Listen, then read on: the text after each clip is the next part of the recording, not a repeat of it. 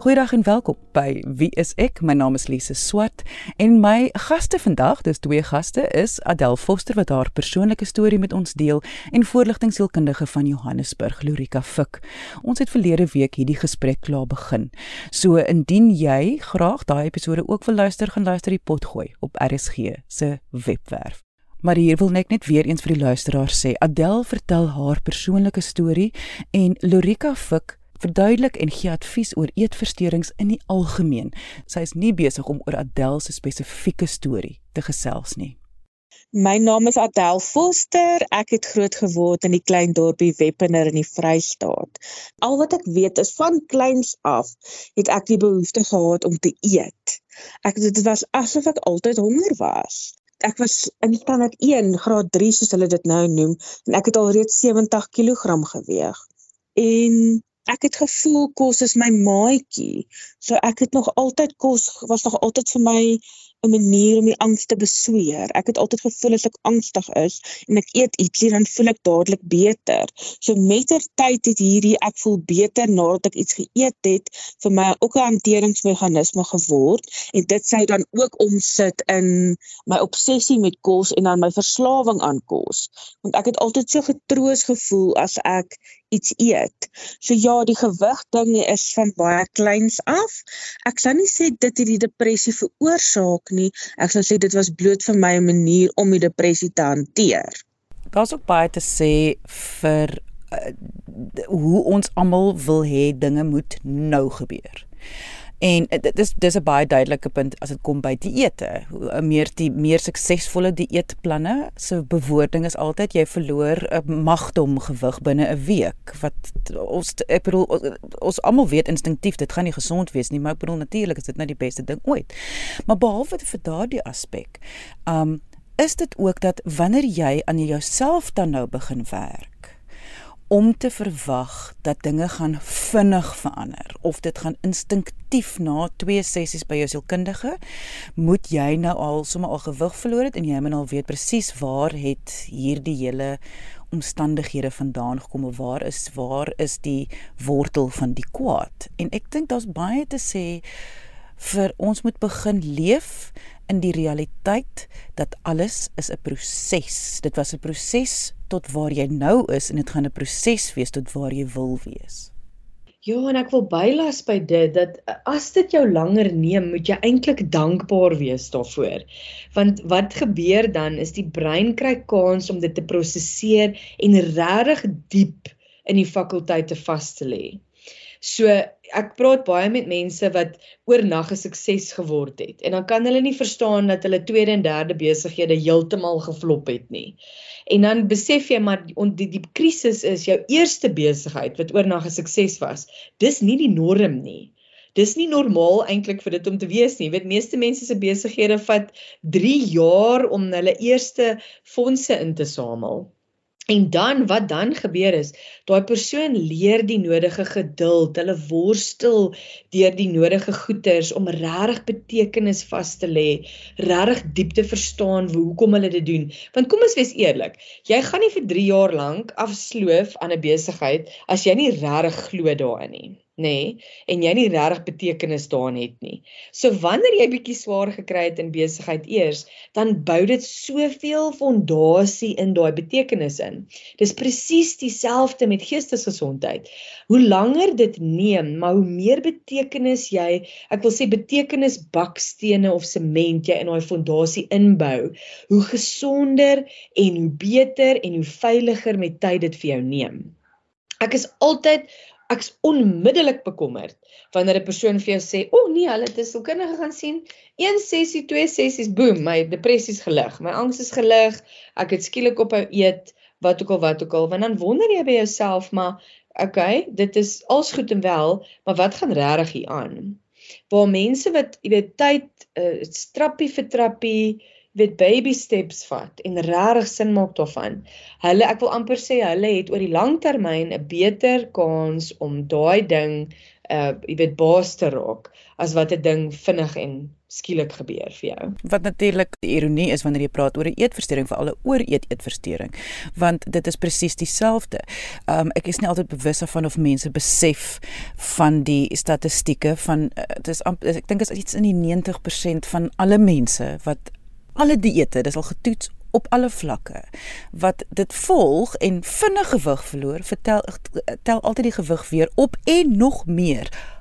In die 90% wat vir jou wys vinnig vinnig is is eenvoudig ook nie eens met gewig suksesvol nie. So hoe kan jy verwag dit gaan op 'n emosionele vlak suksesvol wees Maar as jy dink daaraan, jy weet, ehm um, wat is daai Engelse sê ding nothing um nothing that's worth it nothing that's worth it comes easy, nê? Nee? Die brein weet dit instinktief. Met ander woorde, ek wil amper sê as 'n ding te vinnig gekom het, dan soek die brein vir redes dat hierdie nie gaan werk nie, want dit is nie die norm nie. Dit is nie in die ek wil sê die matrix ingebou nie. Dis nie die dis nie die kode wat daar inge, ingesit is in die brein se kode nie. So nou kom jy En 'n ding is 'n quick fix. Ek wil amper sê dan self-saboteer jy die situasie. Maak dit sin? Jou brein sal dan redes kry vir dit om nie te werk nie. Want dit pas nie by die standaard gesonde norme wat wat daar uitgelê is nie. En ook, jy weet, dis maar dieselfde teorie. Mense glo vas. Die navorsing is baie interessant dat 'n TV remote wat meer weeg glo mense is is meer die moeite werd. Hulle het die snaakse studie gedoen en gevind dat as die uh, televisiemaatskappye gewiggies in die remote sit, dan glo daai persoon instinktief dat hierdie televisie en hierdie hierdie produk wat ek gekoop het is meer werd as 'n televisie remote wat minder weeg. En hoe interessant is dit nie? Maar dis dieselfde met geestesgesondheid. As jy tyd geneem het en daai fakulteite vasgelê het en gewerk het daartoe, dan gaan jy mos nou baie moeiliker gaan. En as daar 'n 'n 'n bier vir jou geoffer word by 'n partytjie, jy weet, uh, gaan jy eerder nee sê want jy weet wat se werk gedoen is in die agtergrond. Of as daar 'n stuk koek vir jou gestuur word by 'n koffiewinkel, gaan jy sê, weet jy wat, baie dankie, maar nee dankie want jy weet mos wat jy belê het in jou eie lewe en in jou geestesgesondheid in die feit dat ek nou nog in my 40s na 20 jaar van terapie nog steeds worstel met hierdie verslawing van my. En wat ek daarop kan sê is dat as iemand my 20 jaar terug geken het, ek het behalwe vir die gewigprobleem het ek glad nie gefunksioneer nie.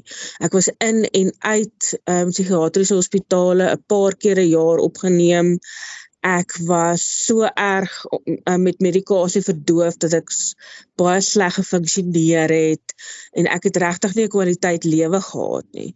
So na hierdie 20 jaar van terapie is my depressie en daai tipe goed baie goed onder beheer en dit voel vir my nou eers nou dat my depressie onder beheer is en ek op die regte medikasie is en ek hierdie boek geskryf het, kan ek nou baie stadig aan begin werk aan hierdie eetverslawing.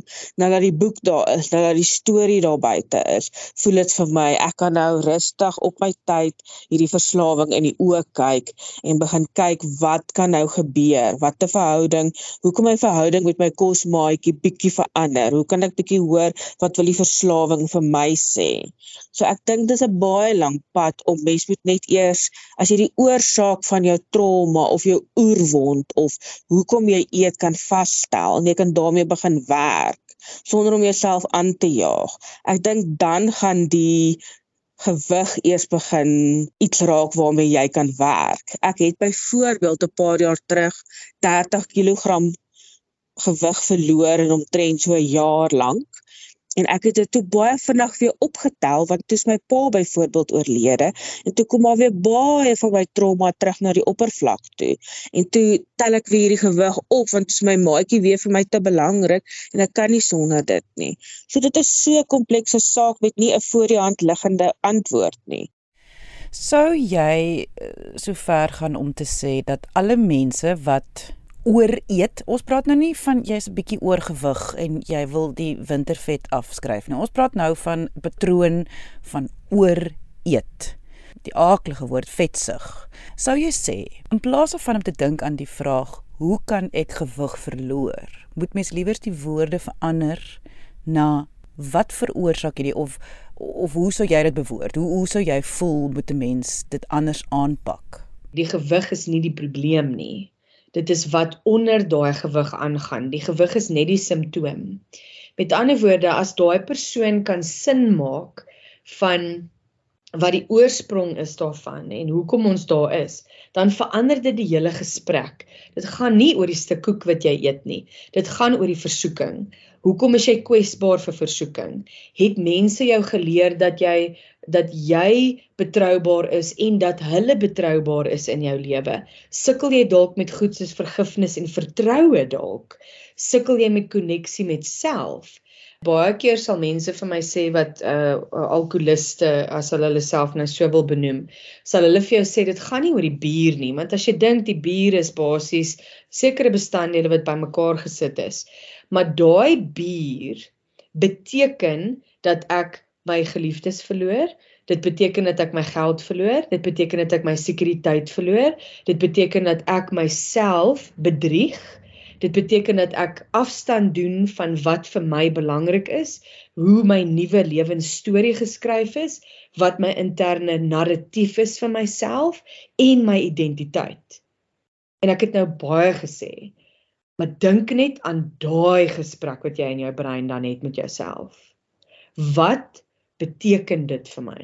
Die bier of die stuk koek of die tydskrif met die vrouens wat my uitlok. Wat beteken dit vir my? En wanneer jy dit verstaan, is dit baie makliker om nee te sê vir die sjokolade of die bier of die die die weet die televisieprogram met die pornografie op of wat ook al. Want dit gaan nie oor die beelde of die bier of die alkohol of die dwelms nie. Dit is wat daai ding van jou ontneem. Ek wil dit baie primitief vat. Ehm um, kinders wat byvoorbeeld sal kies om televisie te kyk as om buite te speel.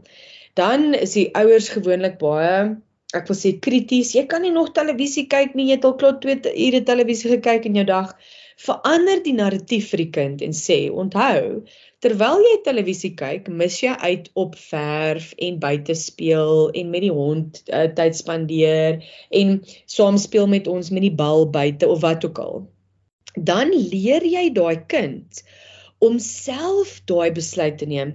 Die televisie beroof my van ander lekker dinge wat goed is vir my.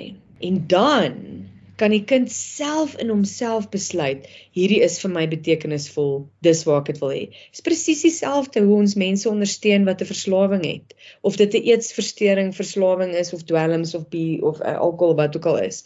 Vra jouself af, wat ontneem hierdie ding van my as ek nou daarmee omgaan in vergelyking met as ek kies om dit nie te doen nie.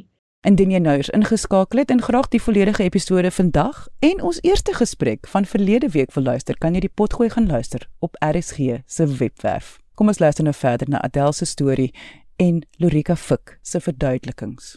Ontkenning is nogal vir my iets wat ek ek meer en meer oplet in sosiale media en hoe die wêreld eetversteurings aanpak.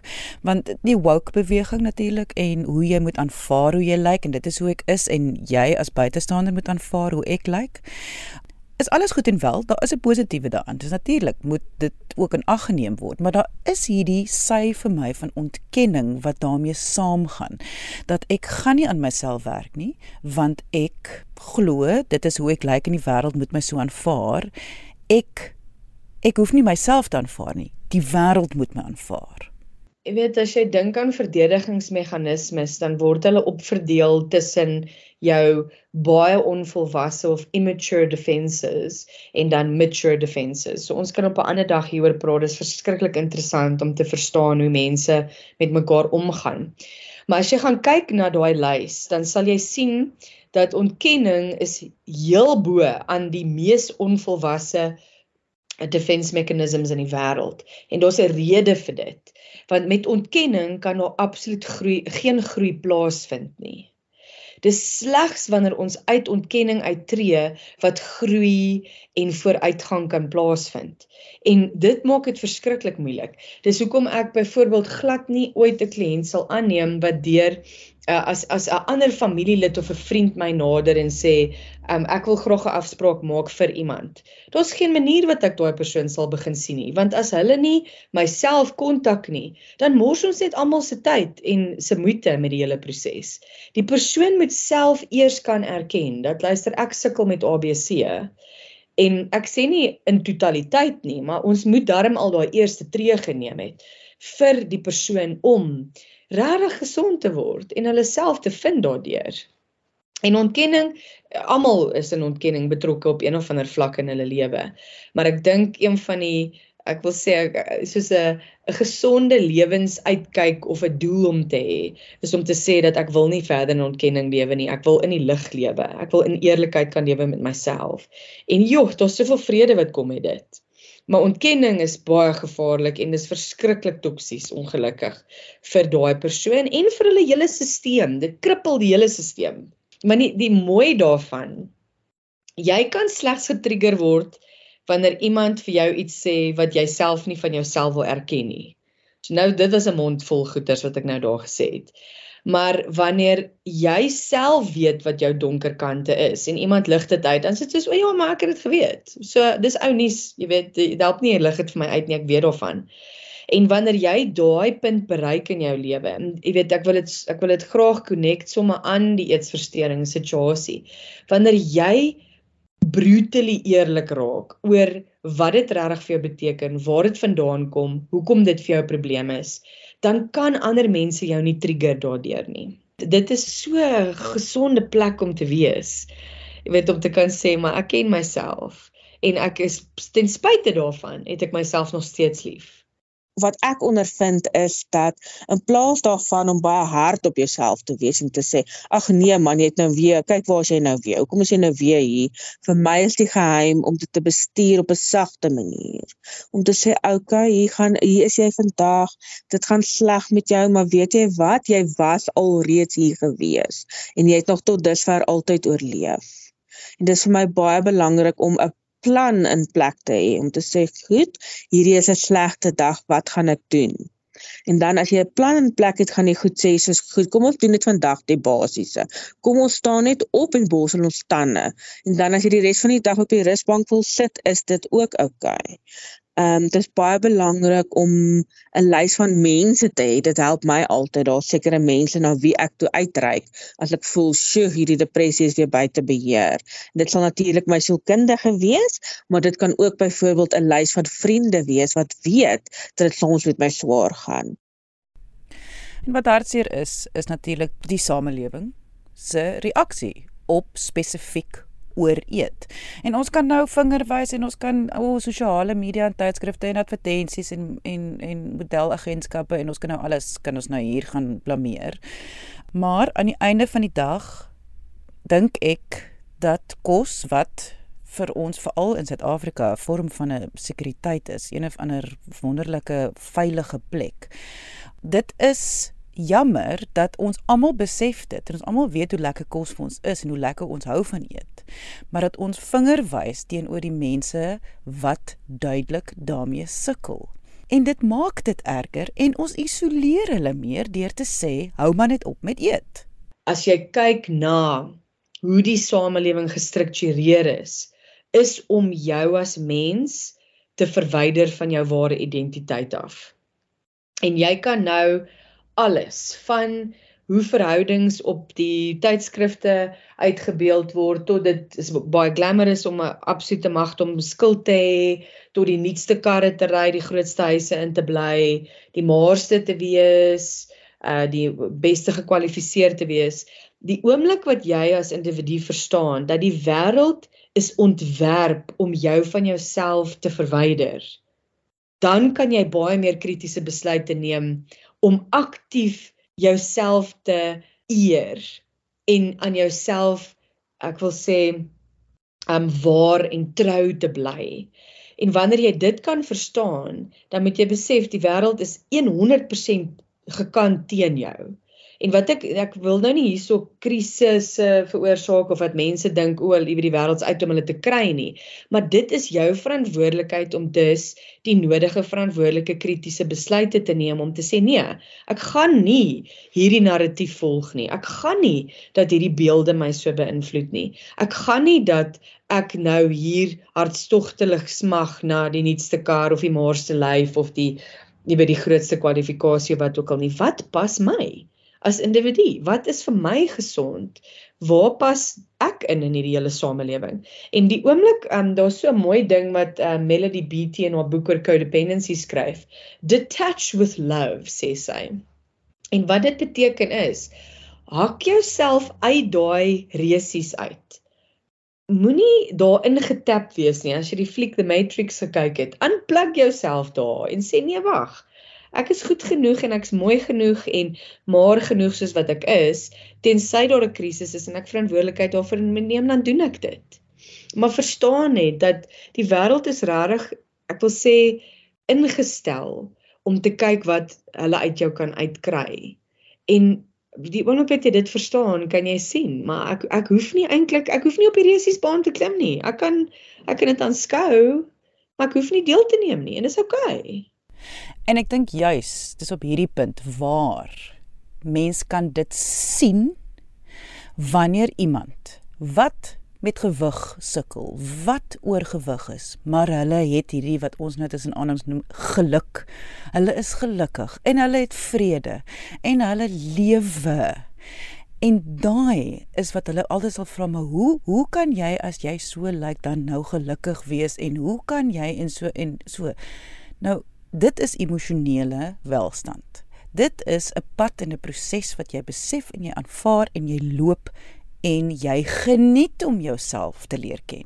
Dis vir my so mooi wanneer 'n vrou definitief nie die norm van jy weet die Dolce & Gabbana catwalk uh jy weet daai norme vervul nie maar sy lyk net so tevrede in haar vel nê nee? dit is so lekker. Jy wil haar eintlik nooi en sê kom sit, ek wil net met jou gesels. Ek wil hoor wat wat gaan daaraan. Dis so mooi om te sien. Maar jy kan sien daai persoon het al klaar die vrae gevra. Hulle het gewoonlik reeds die pad gestap. Hulle neem verantwoordelikheid vir hulle gesondheid. Hulle oefen, hulle eet gesond, maar hulle het hulle self net inherënt regtig lief. En dis wonderlik.